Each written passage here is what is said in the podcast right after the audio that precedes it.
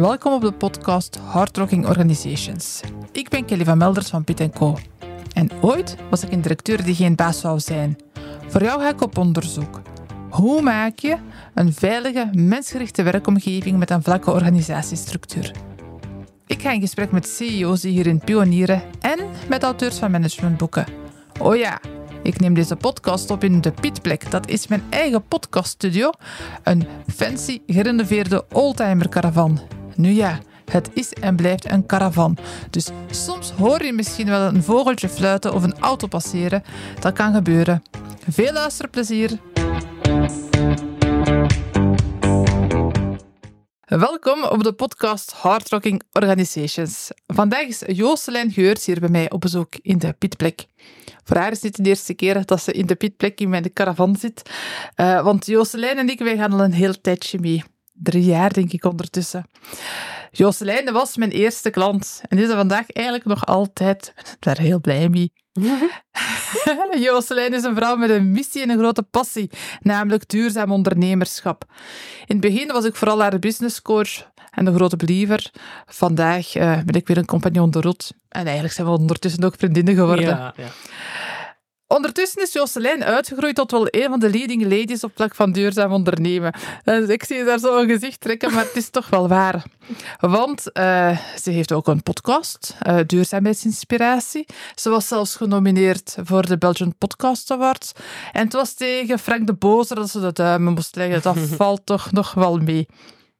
Nu dat ik zelf meer in de richting van hardrocking organizations evolueer, is het echt wel tijd voor een inhoudelijke babbel tussen ons. Want volgens mij zit er toch wel een link tussen duurzaam ondernemen en hardrocking ondernemen, ik ga dat zo noemen. Er zijn wel wat raakvlakken. Het is hoog tijd om met Jocelyn daar een babbeltje over te doen, hier in de caravan. Ehm, en trouwens, het is niet alleen ik dat dat vind, het was ook Matthias Lievens uit uh, aflevering 3, die vond van, je moet eens met Jocelyn babbelen. Voilà. Dag Jocelyn, welkom. Dag Kelly, dank u voor de uitnodiging. Heel graag gedaan. Klopt dat? Denk je dat er raakvlakken zijn tussen uh, duurzaam ondernemen, hardrocking ondernemen? Zeker en vast, hè. zeker en vast. Um, ik denk dat ja, van duurzaam ondernemen, ik zal dat misschien even hè, duiden wat dat, mm -hmm. dan juist is. Duurzaam ondernemen, dat gaat eigenlijk over um, ondernemen vanuit een balans tussen het uh, people aspect, het profit aspect, hè, want we gaan altijd ondernemen, dus uh, centjes verdienen, ja. en het uh, planet aspect. Dus je gaat eigenlijk ondernemen en telkens wanneer je beslissingen neemt, die drie uh, met elkaar in, in evenwicht brengen. Ja. Hè? Dus als je als, als manager of als, als CEO of ondernemer of, of whomever um, wilt gaan duurzaam ondernemen, dan ga je eigenlijk altijd meer breder kijken dan alleen maar wat kost mij dat hier en wat brengt me dat hier op. Mm -hmm. hè? Mm -hmm. Natuurlijk blijft dat een belangrijke. Hè? We zeggen niet dat iedereen een VZ2 moet worden, dat is zeker niet de bedoeling. Maar het, blijft wel, uh, het is wel superbelangrijk om die drie in uh, in balans te brengen met elkaar. Ja. En als ik dan kijk naar de Hard Rocking Organization, hè, van hoe, de, hoe dat ik daar naar kijk, dan is een, uh, een Hard Rocking Organization voor mij een organisatie die dat, die dat vanuit zijn of haar identiteit aan het, uh, aan het ondernemen is. Ja. En uh, als je vanuit je identiteit onderneemt, dan gaat dat altijd verder dan winst en kosten. En, ja. en, dus dan gaat dat altijd met een impact op Eén van die twee. En soms kan dat al eens zijn dat, je, dat je identiteit meer richting de planet gaat. Prima. Soms kan dat zijn dat dat meer richting de people gaat. Ook prima. Maar je gaat vanuit je waarde ondernemen. Ja. En dat is, daar is toch een grote link tussen ja. die twee. Hè? Dat is helemaal waar. Inderdaad, hardworking organizations die, die werken vanuit een bepaalde missie, um, vanuit de identiteit, zoals je dat mooi zegt. Um, maar wat er toch ook is, is dat het people-aspect voor hen heel belangrijk is. Ja. Kan jij eens wat meer vertellen over het people-aspect binnen duurzaam ondernemen, ja. wat dat precies is? Ja, uh, dus binnen duurzaam ondernemen, het people-aspect, dat, ten eerste is dat ook weer een ruimere. Hè, dat gaat niet alleen over uw medewerkers, nee. ik zal zelfs terugkomen op die medewerkers, maar dat gaat ook over uw klanten, uw ja. leveranciers. En, hè, dat is dat gaat heel, over de mensen. Ja, de men, het sociale eigenlijk, hè, de ja. impact op alles wat met mensen te maken heeft. En als je kijkt naar uw medewerkers, ja, een, een, bedrijf dat, dat, dat gaat ondernemen vanuit zijn identiteit is ook een bedrijf dat zijn medewerkers veel meer gaat... Um, ja, pamperen, ik weet niet of dat het juiste woord is, maar veel meer gaan luisteren ook naar die medewerkers, veel meer met die medewerkers gaan bezig zijn en die gaan zich daar ook mee identificeren. Hè. Ik eh, ben er ook van overtuigd dat bedrijven die dat um, duurzaam ondernemen of hè, hardrocking organizations zijn, dat die ook gewoon ja, makkelijker mensen vinden, mensen houden, mhm. omdat je vanuit die identiteit um, aan het communiceren bent en aan het ondernemen bent. En mensen gaan zich daarmee linken. Mensen gaan dat, gaan dat ja, belangrijk vinden en dat is een waarde. Iemand die die waarde niet heeft, gaat daar niet op afkomen. En je kunt zo je bedrijf vullen met medewerkers die allemaal aan die waarde ehm, komen hangen. En, en dat is gewoon fantastisch. Hè? Dat is gewoon, iedereen heeft dan eenzelfde doel, alle neuzen in dezelfde richting, omdat je vanuit die identiteit en die waarde uh, bezig bent. Dat is stukje co-creatie. Ja. Zo, zo noem ik dat eigenlijk. Um, mensen die vanuit een, eenzelfde waardekader eigenlijk een vergelijkbare purpose hebben en daarin hun talenten en hun competenties aan elkaar gaan koppelen ja. om zo sterker te worden um, en effectief die missie te kunnen gaan realiseren. Ja, inderdaad. Ja. Dat is het. Hè. Ja. Nu, als je nu een baas bent die geen baas wilt zijn, hè, zoals de mensen vaak wel zijn als ze naar de podcast luisteren, en zij willen daar eigenlijk wel mee starten, hoe kunnen ze dat volgens jou doen? Ja, de allereerste stap is zelf die identiteit gaan uitzoeken. Hè. Waar sta je voor? Um, als ik dan de link mag maken tussen hardrocking en duurzaam ondernemen, dat is, dat is stap één van wat mm ik doe, is eigenlijk gaan, gaan bekijken van ja, op welk aspect wilt je inzetten. En je kunt niet uh, op het hele spectrum van duurzaam ondernemen gaan inzetten. Je moet ergens wel, ja, je identiteit en je waarde gaan bepalen. Dus uh, voor wat sta je eigenlijk? Voor wat staat je bedrijf? Hè?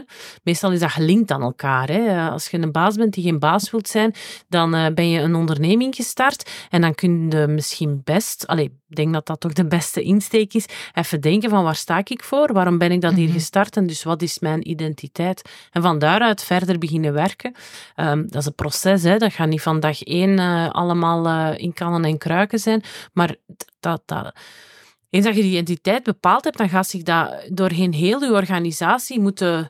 Ja, ik stel me dan even voor, een riviertje. hè? Dat mhm. begint van boven aan de bron en dat begint dan uh, uh, te vloeien. En, en dat moet overal in die onderneming moet dat komen. En um, dat duurt even, hè? dat heeft uh, tijd nodig. Dus daar is heel wat geduld voor nodig. hè? Mhm, mhm, ja.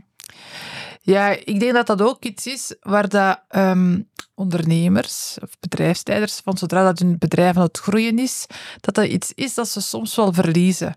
Dus ze zijn ooit gestart met iets vanuit een bepaald idee, een, een bepaalde missie, uh, een bepaalde purpose of zo. En ze zijn daarmee gestart en ze zijn gegroeid. En er zijn veel verantwoordelijkheden bijgekomen en, en veel medewerkers bijgekomen. En er zijn aan structuren moeten gaan beginnen werken en aan procedures beginnen uitbouwen. En uiteindelijk is dat een beetje een kluwe tussen haakjes geworden van, van, van processen. En vaak ook stress komt er dan mee gepaard. En dat is dan een moment waarin dat mensen vooruit gaan en eigenlijk te weinig nadenken van oké, wat is hier eigenlijk de waai? Hmm. Waar, waarom doen we dat eigenlijk? Um, het is belangrijk van daar regelmatig nog eens bij stil te staan. Ja, en dat verandert ook. Hè. Moet ook uh, We zijn ook geen uh, statische wezens. Ik denk dat een ondernemer zelf ook gewoon verandert doorheen zijn of haar leven. En, uh, allee, Tuurlijk. Dat, dat, dus, dus uw why van uw organisatie mag ook gewoon mee veranderen. Maar het is wel belangrijk dat iedereen die impact ondervindt en, en die uw, organisatie impacteert, dat die weten wat uw why is, zodat die zich daaraan kunnen vasthangen. Of net niet, hè. kan prima zijn hè, dat er iemand op je pad komt en zegt van dat is helemaal niet hoe dat ik de dingen zie, maar prima. Hè? Mhm. maar, maar sta er wel voor en, en zorg dat je dat bewaakt. Ja, groot gelijk. Jocelyn, je bent ook gekend als organisator van hackathons. Um, je doet dat bij de Kronosgroep en je organiseerde ook al een duurzaamheidshackathon. Vertel een keer, wat is precies een hackathon? Ja, een hackathon, het woord hackathon komt eigenlijk van een samenvoegsel van hekken en marathon. Hè? Dus als je dat echt in de, in de oorspronkelijke betekenis was dat eigenlijk een hoop IT'ers bij elkaar die een probleem gingen hacken, problemen proberen oplossen eigenlijk. Uh, en dat in een marathonvorm, dus meerdere dagen achter elkaar. Dat was oorspronkelijk het, het concept. Nu, wij hebben dat een beetje aangepast aan, aan wat dat de, de hedendaagse tijd vraagt. In die zin dat ja, mensen, en zeker studenten, niet meer zo per se meerdere dagen aan de stuk. Dat is ook, eigenlijk is dat ook niet duurzaam. Hè, bedoel, uh, dan een paar pizza's binnen en dan moeten ze daar dan slapen. En, allee, dat, dat, dat vonden we niet zo tof, dus wij doen dat vandaag in één dag. Um, maar het concept blijft wel hetzelfde. Gewoon een aantal mensen samen die naar een probleem, nee, uitdaging kijken, zo moeten we dat noemen, die naar die uitdaging kijken en die proberen vanuit hun eigen standpunt daar um, een, een oplossing voor te vinden. En je kunt dat in de IT-sector zien, maar je kunt dat even goed in de duurzaamheidssector zien. Hè. Um, heel wat bedrijven kampen vandaag toch met een aantal, ja, uh, uitdagingen mhm. rond duurzaamheid en hoe zou ik dat nu aanpakken en hebben daarvoor ook echt wel graag eens een externe blik. Ja. Um, want die externe blik, die, dat is iets anders dan uw interne blik gewoon. Want ja, want, ja de mensen intern, soms kunnen doodstaren hè, op een probleem. Dat is vaak um, zo. Dus je trek dat even buiten uw comfortzone ook wel, maar ook buiten uw, uw normale activiteit. En je laat daar mensen naar kijken die daar eigenlijk u bij wijze van spreken van haar nog pluim kennen. Um, en daar komen de meest uh, innovatieve ideeën uit. Hè. Daar komen ook um, ja, leuke, leuke connecties uit natuurlijk ook. Hè. Mensen leren elkaar kennen. Maar daar komen echt heel veel ideeën uit. Je moet dat eigenlijk een beetje zien als een denktank. Hè. Ja. Op één dag. Een soort van ja, uh, een snelkookpan van ideeën of zo. Eigenlijk is het wel interessant voor veel organisaties, want dat is regelmatig te doen over een bepaald topic dat ze hebben. Ja, zeker en vast. En, ik, ik zeg dan nu van, je moet daar met extern naar kijken. Dat hoeft daarvoor niet per se.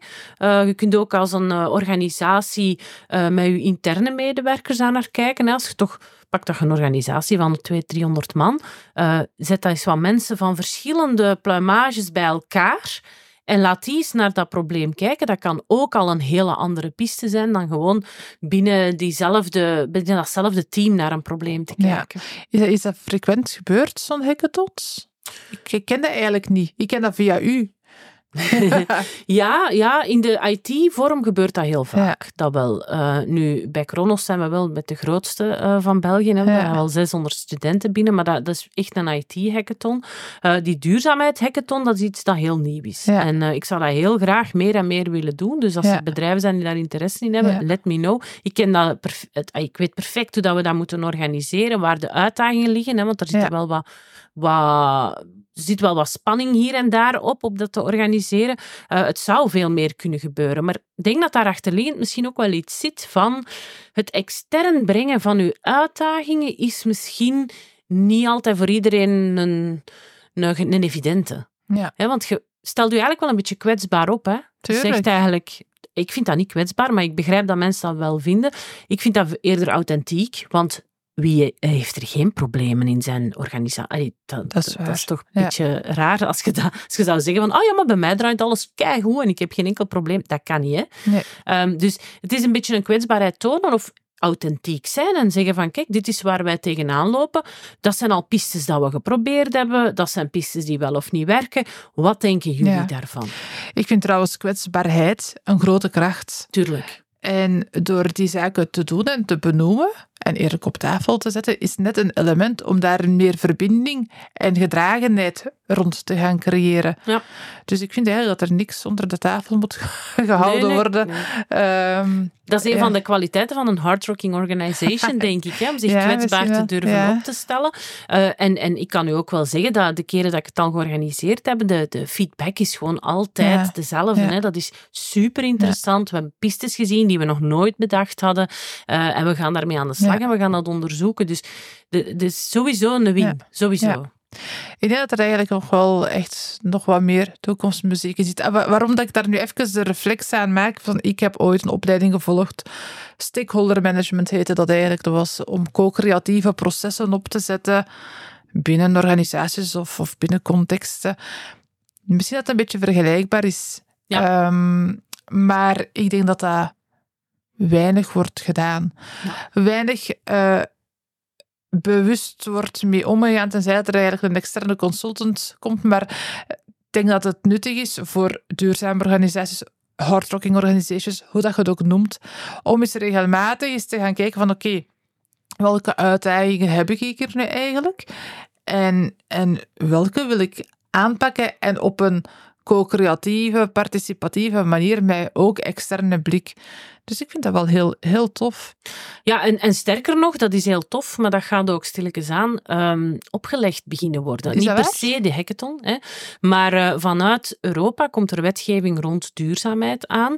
En um, het in kaart brengen van uw stakeholders en daarmee in gesprek gaan, wordt een cruciaal onderdeel van die, uh, die guidelines die daar rond bestaan. Ah, dus je gaat eigenlijk echt uh, verplicht worden. Allee, de, de, de, het is nog niet helemaal duidelijk hoe en wat, ja. maar het is al heel duidelijk dat stakeholder uh, analyse, noemen ze dat dan, dat dat een cruciaal onderdeel wordt van de credibiliteit van uw duurzaamheidsbeleid. Ja. En dat is logisch, hè, met wat wij hier nu ook zeggen. Dat is ook logisch dat dat, dat, dat erbij moet betrokken worden. Je moet als organisatie um, je kwetsbaar opstellen, is één ding, maar, maar dan ook er iets mee doen met wat dat die stakeholders vertellen, is dan het tweede. En dat wordt zo stilletjes aan wel echt een belangrijke, ja. met alles wat met duurzaamheid ja. te maken heeft. Misschien moeten we nog wat, wat dieper ingaan op wat dat stakeholders precies zijn, want dat is misschien weer een begrip waar dat wij heel vlot in de mm -hmm. mond nemen, maar misschien niet voor iedereen zo duidelijk nee. is wat dat precies is. Ja, ik, ik neem dat ook altijd mee als ik een keynote geef of zo. Dat is een ja. van de drie dingen dat, dat ik graag heb dat ze onthouden als ze ja. buiten komen. Want inderdaad, dat is een redelijk nieuw begrip. Iedereen kent wel de shareholders, hè. dat zijn degenen die de, ja, het geld in de organisatie Ik weet niet dat iedereen dat per se kent. Hè. De shareholders, hè, aandeelhouders, dat zijn degenen die daar eigenlijk echt ja, aandelen in een bedrijf hebben en die dus... Uh, financieel de touwtjes in handen hebben, eigenlijk. Voor VZW's Raad van Bestuur. Ja, voilà, inderdaad.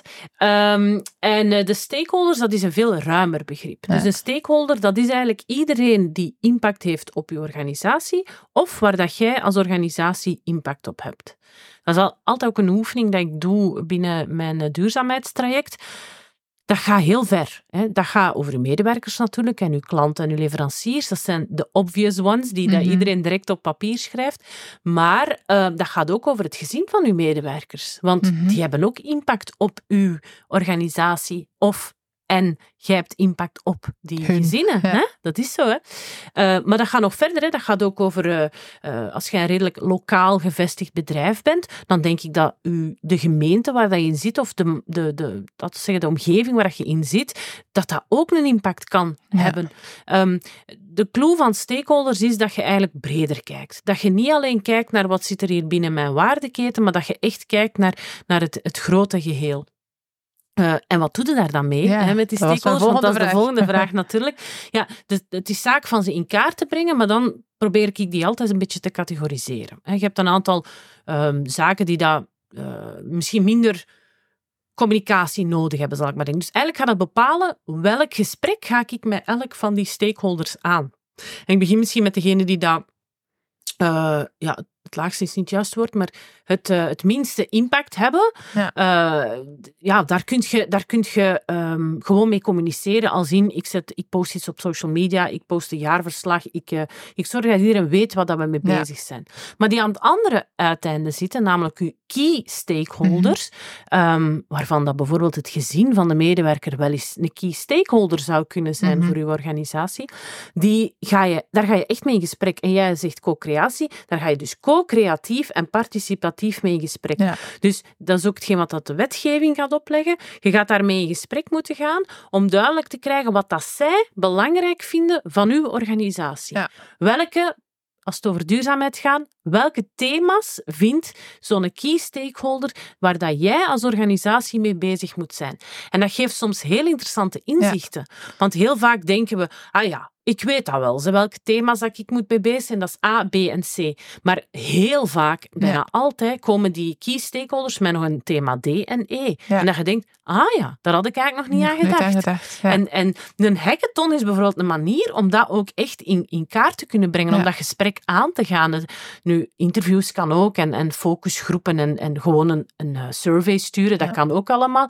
Maar het is heel belangrijk van daar genoeg aandacht aan te besteden, omdat je anders in een soort ja, tunnelvisie zit, ja. hè, waarbij dat je puur vanuit je eigen organisatie redeneert en, en dat niet genoeg opentrekt. En dat is echt, dat kan een nefaste gevolgen hebben op je beleid. Ja, want je bent dan echt wel in een, in een, ja, in een tunnelvisie te gaan werken. Hè. Je bent alleen met, u, met jezelf bezig. Ja. En, en ja, je bent een deel van een groot systeem. Hè. Ja. Um, en hebt er ook invloed op. Ja. Het is denk ik belangrijk om daar wat meer aandacht uh, aan te geven. Want ik denk dat weinig bedrijven misschien een beetje kort door de bocht, maar er zijn er niet al te veel mee bezig, denk ik. Nee, nee. en het is, altijd, het is altijd een interessante oefening om te doen, want de key stakeholders voor mij zouden bij elk bedrijf de planeet en de maatschappij moeten zijn. Eigenlijk zou dat, hè, zou dat inderdaad, een echt duurzaam bedrijf is daarmee bezig. Maar dat is niet vaak hoor. Nee. Ja, en ook de vraag is van welke intentie doe je dat? Mhm. Ik kan me voorstellen dat er vandaag wel bedrijven zijn die daar wel wat marktanalyse doen, maar dat dat eerder is van wat doet de concurrentie mhm. hè, en hoe kan ik mij profileren en positioneren om het beter te doen. Dit gaat over iets anders. Hè. Ja. Ja. Ja, deze gaat totaal niet daarover. Dit, dit gaat echt over, over uh, authenticiteit ook. Hè. Je, mm je bent oprecht bezig met waar dat uw key stakeholders interesse in hebben, om van daaruit uw beleid in de juiste richting te sturen. En dan gaat dat niet over um, hè, wat, wat, wat, doen de anderen. Dat gaat altijd uitgaan van eigen kracht. Hè. Daar, sta ik, uh, daar sta ik echt wel voor. En, en uw eigen kracht ligt hem in hoe dat je authentiek met die thema's omgaat. En uiteindelijk gaat het ook over die thema's vertalen naar de taal van uw organisatie organisatie. Ehm, maar, maar het is echt cruciaal. Ja. Ik ga nog een keer even terug naar die hackathons die jij organiseert hè, voor dan de Kronosgroep. Dat is dan eigenlijk met studenten, toch? Is dat niet zo? Ja, inderdaad. Um, en dus ik wil een paar vragen stellen over die studenten en hoe dat, hoe dat zij naar, naar ja, werkgevers eigenlijk toekijken. Wat, wat is zo uw ervaring over de organisatie van die hackathons eerst? Ja. En, en studenten bedoel ik dan, hè? Studenten, ja. Ja, dat is eigenlijk een hele belangrijke en interessante topic. Uh, en ik kan daar ook altijd heel veel... Ja, ik vind dat echt een heel tof verhaal om altijd te brengen. Omdat ik het uit eerste hand meemaak. Uh, en dus niet uit de krant, hè, maar ik kan mhm. u echt garanderen dat de student van vandaag, de medewerker van morgen dus, dat hij dat kei belangrijk vinden waar dat uw bedrijf voor staat. Dat is het allereerste waar ze naar kijken. Dat is ongelooflijk. Dat is een van de, de standaardvragen dat wij krijgen. Mhm. Ah, en wat doen jullie allemaal rond de duurzaamheid? Ja. Uh, en hoe belangrijk vinden jullie dat? En uh, er zijn zelfs studenten die, die... Ik heb zo eens iemand gehad en die zei van... Ja, dat is allemaal tof met die bedrijfswagens. Hè, want IT-consultancies zijn vaak bedrijfswagens de manier om studenten um, aan te trekken. Maar uh, ik heb geen rijbewijs. Ik heb mij opzet geen rijbewijs gehaald omdat ik niet wil in de verleiding komen van met zo'n volledig uitstotende auto uh, te gaan rondrijden. Dat is toch ongelooflijk? En ik kijk daarnaar en ik denk, wauw.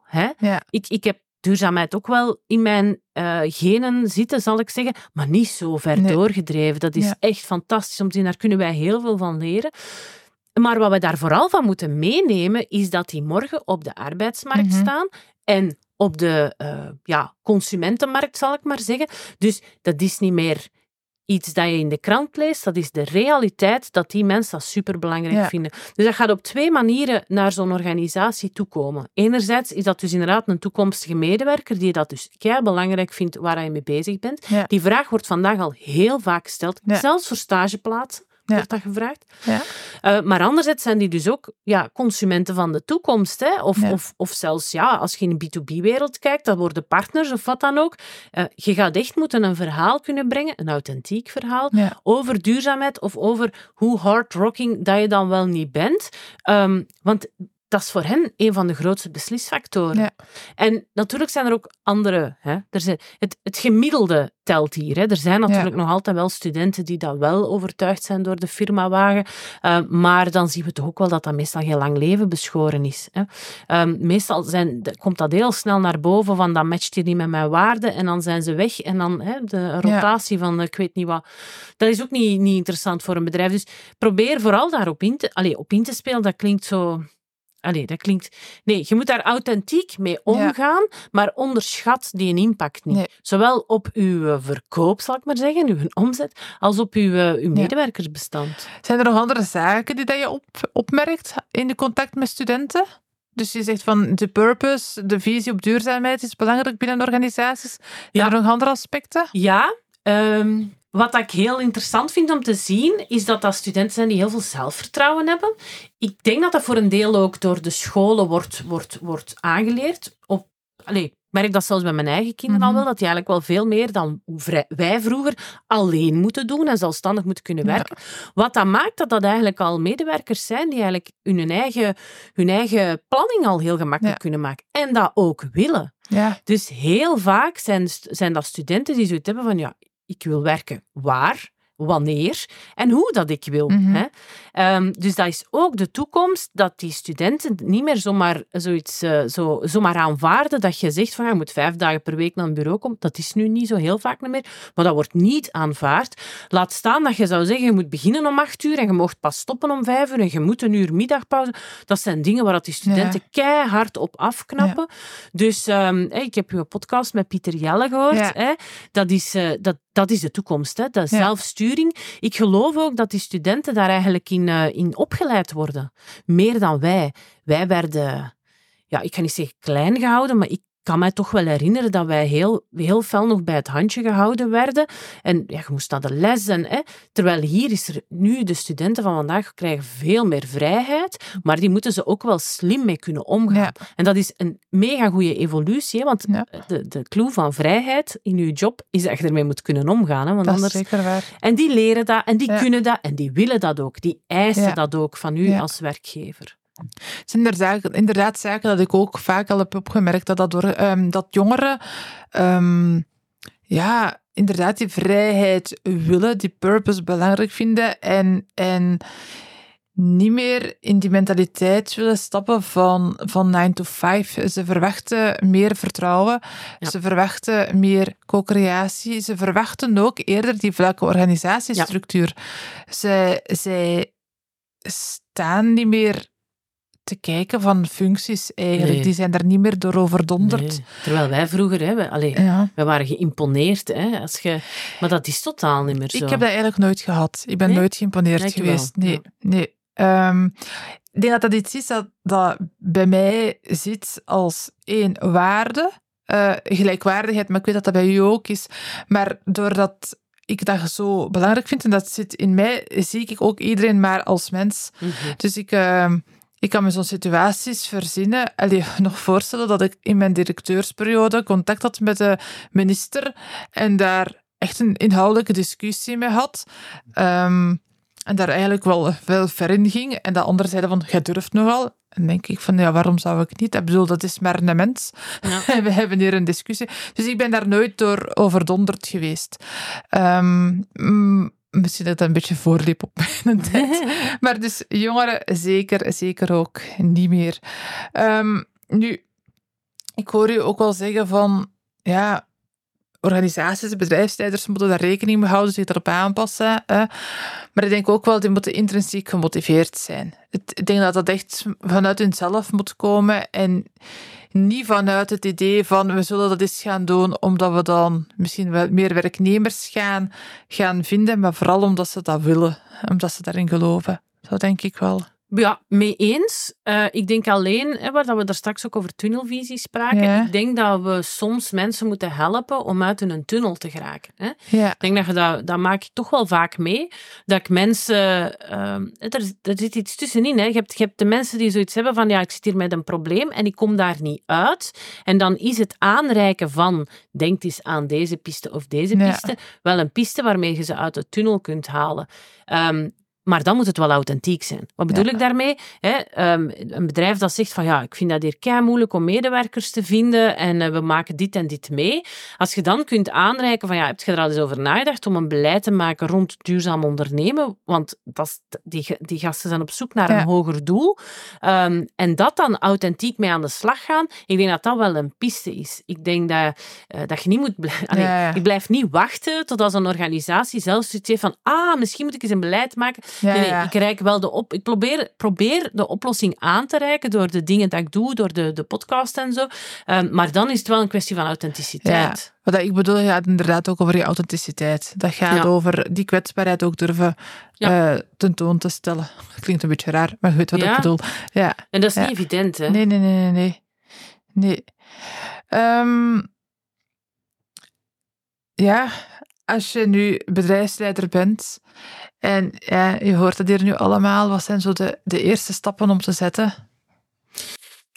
Ja, ik zou nu kunnen zeggen, bel mij eens. dat kun je doen. Hè? Of bel eens Kelly. Hè? We, we zijn beide bedreven in het onderwerp. Maar ik denk dat de, de, de, dat is een grapje, maar anderzijds is het ook wel dat. Probeer u eens een keer in te werken in deze onderwerpen. Hè? Luister podcast, bekijk eens uh, ja, shows op tv of, of uh, er is van alles te, te vinden. Maar lees of werk u even in in de materie, want van daaruit gaat je kunnen aanvoelen of probeer daar dan bij ook aan te voelen wat dat voor u belangrijk is. zodat je al een beetje in je hoofd hebt van oké, dat is de richting waar ik naartoe wil. Uh, want wij kunnen gerust een babbel doen met mensen, maar u, we spreken continu over authenticiteit. Die authenticiteit moet komen vanuit uzelf. En uit ervaring weet ik dat ik die pas gevonden heb door heel veel te lezen, heel veel opleidingen te volgen, heel veel naar mensen te luisteren en te spreken en dergelijke. Uh, dus dat, dat is denk ik de allereerste stap. Informeer u en ga ga op zoek naar wat dat dit eigenlijk allemaal voor mhm. u kan betekenen. Mhm, mhm. En luister naar uw gevoel van dat je eh, wellicht voelt zo'n mens van ik wil het anders. En daar echt uh, naar, naar luisteren en daarmee aan de slag gaan en dat niet gaan negeren.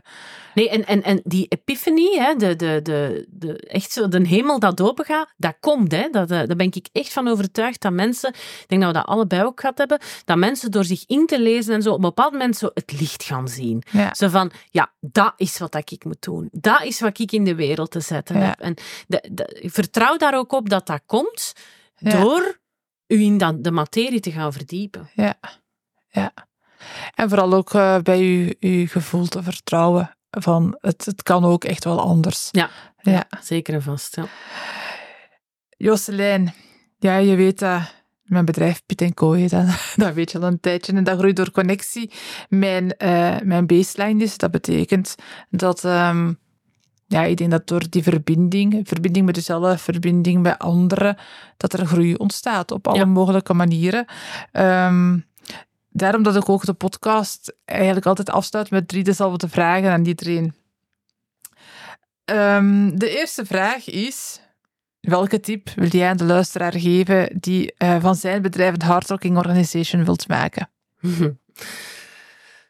Ja, er zijn er wel een paar. Maar ik denk dat het belangrijkste dat we hier al gezegd hebben, is uh, echt authentiek blijven. Hè? Geloof dat je zelf het pad wel gaat vinden. En vertrouw op jezelf en, en, en weet gewoon dat je dat zelf ook wel gaat vinden. Ik denk dat dat een allerbelangrijkste is. Ja, ja.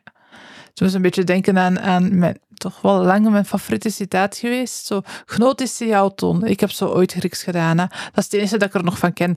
Maar dat betekent, ken jezelf. Ah ja, voilà. Ja, ja. dat is hem. Hè. ja. Um, ja, de groei door connectie werkt in verschillende richtingen. Je hebt al heel veel informatie gegeven waar dat mensen mee aan de slag kunnen gaan. Um, en dan is ook nog een vraag aan jou, andersom eigenlijk. Is er iets of iemand dat jou zou kunnen verder helpen in uh, jouw eigen journey? Iets waar je zelf zo mee bezig bent?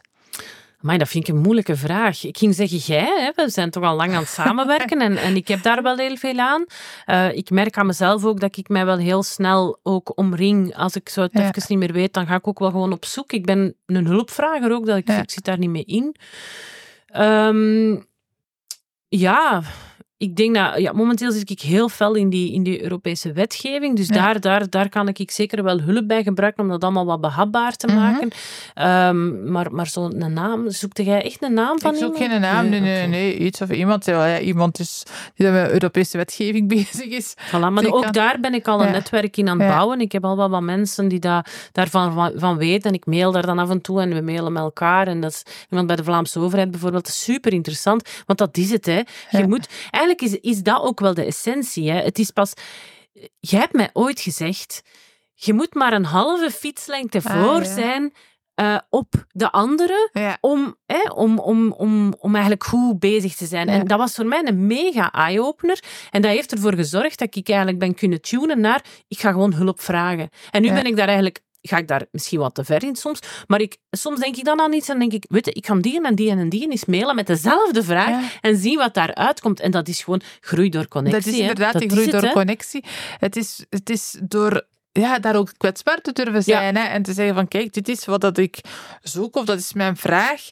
Dat... Um, dat er een reactie op kan komen. En heel vaak willen mensen gewoon ook wel helpen of ondersteunen. Dat is echt. Ja, en ja, dat, is... is.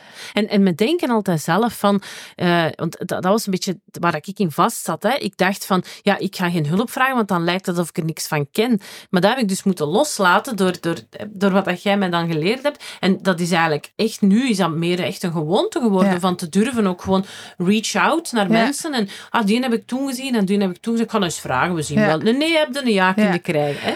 Nog de fijne om te onthouden is Nivea. Ja. Niet invullen voor een ander. Ja, dat is ook een hele interessant dat ik ook wel nog regelmatig toepas. Ja. ja. ja. Oké, okay, maar dat is, dat is fijn om te horen. Um, van uh, ja, mensen rond Europese wetgeving en zo. Daar mogen we Jocelyn eens, eens voor contacteren. Um, ja, Josselijn, jij weet uh, waar ik mee bezig ben. De Hardworking Organizations. Je hebt dat ook eigenlijk in mijn evolutie gezien. Hè? Van individuele business coach naar nu naar deze richting toe.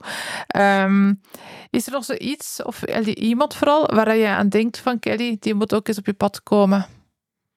Hmm. Dat zijn moeilijke vragen, hè, Kelly? Ja, maar Jocelyn, uh, eigenlijk hadden we dat toch kunnen weten? Dat die, ja, dat is waar. ik had dat hier moeten over nadenken. Ik heb nogthans lang genoeg in de auto gezeten om daarover na te denken. Maar uh, wacht eens denken, hè.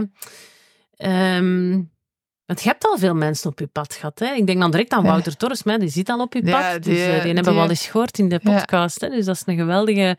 Uh, dat was een super interessante podcast ook. Dank u. Um, even denken, hè. Of een interessante boek dat ik moet lezen, of weet ik veel wat. Nee, ik ken wel, ik ken wel iemand die misschien wel interessant is op je pad. Um, binnen de Kronosgroep is er een, een, een, dame die dat Elke Kramer noemt ze. En uh, die is heel veel bezig met... Um, haar bedrijf, haar bedrijf noemt Clucity, dus dat gaat over inclusiviteit. Hmm. En dat is echt wel een heel interessante uh, persoon om te spreken, omdat hij heel veel bezig is met ja, women in tech.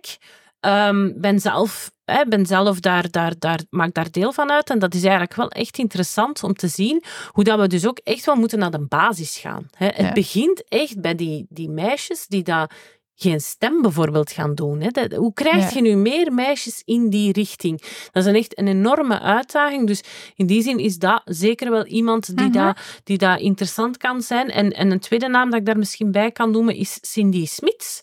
Uh, die is eigenlijk met datzelfde bezig, maar meer nog vanuit de praktijk. Die is eigenlijk um, uh, founder van uh, Digitale Wolven.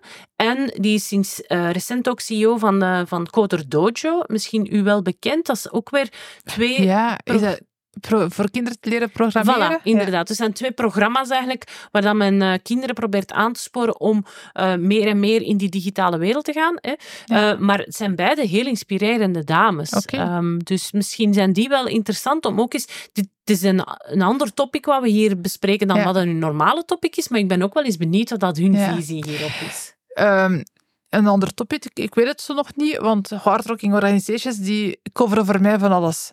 Instituut duurzaam ondernemen, sociaal ondernemen, maatschappelijk verantwoord ondernemen, inclusief ondernemen. Het zijn allemaal elementen dat er daarin vervat zitten. Ja. Dus dankjewel voor die twee uh, nieuwe namen. Um, ik ga zeker eens contact uh, opnemen met hen. Kijk hoe. Jocelyn, ik ben u een belangrijke vraag vergeten te stellen. Ja, eigenlijk begin ik daar iedere podcast mee en bij u ga ik ermee eindigen. Oké, okay, kijk. Ja.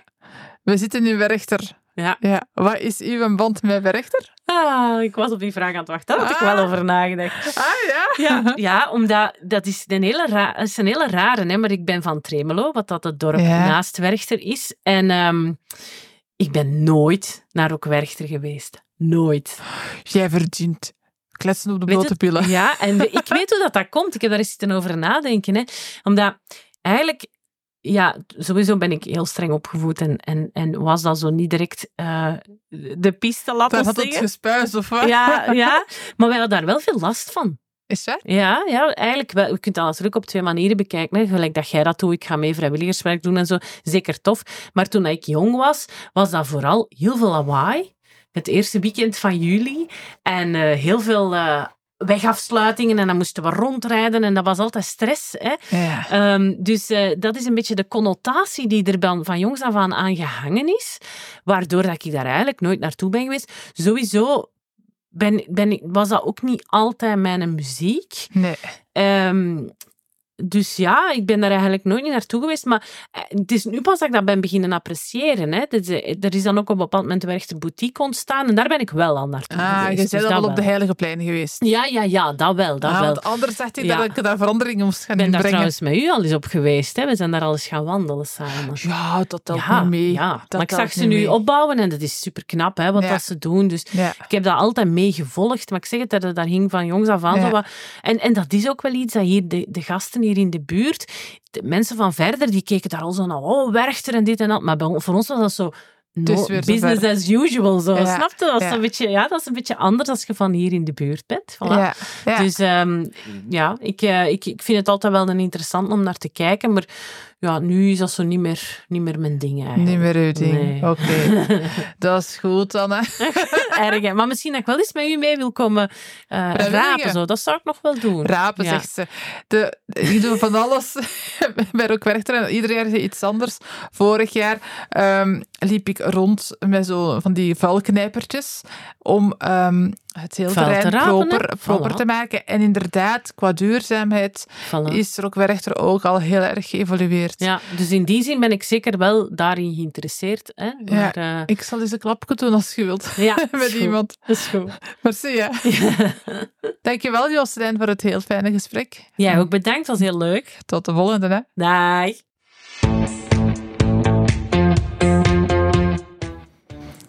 Fijn dat je luisterde naar de podcast Hard Rocking Organizations.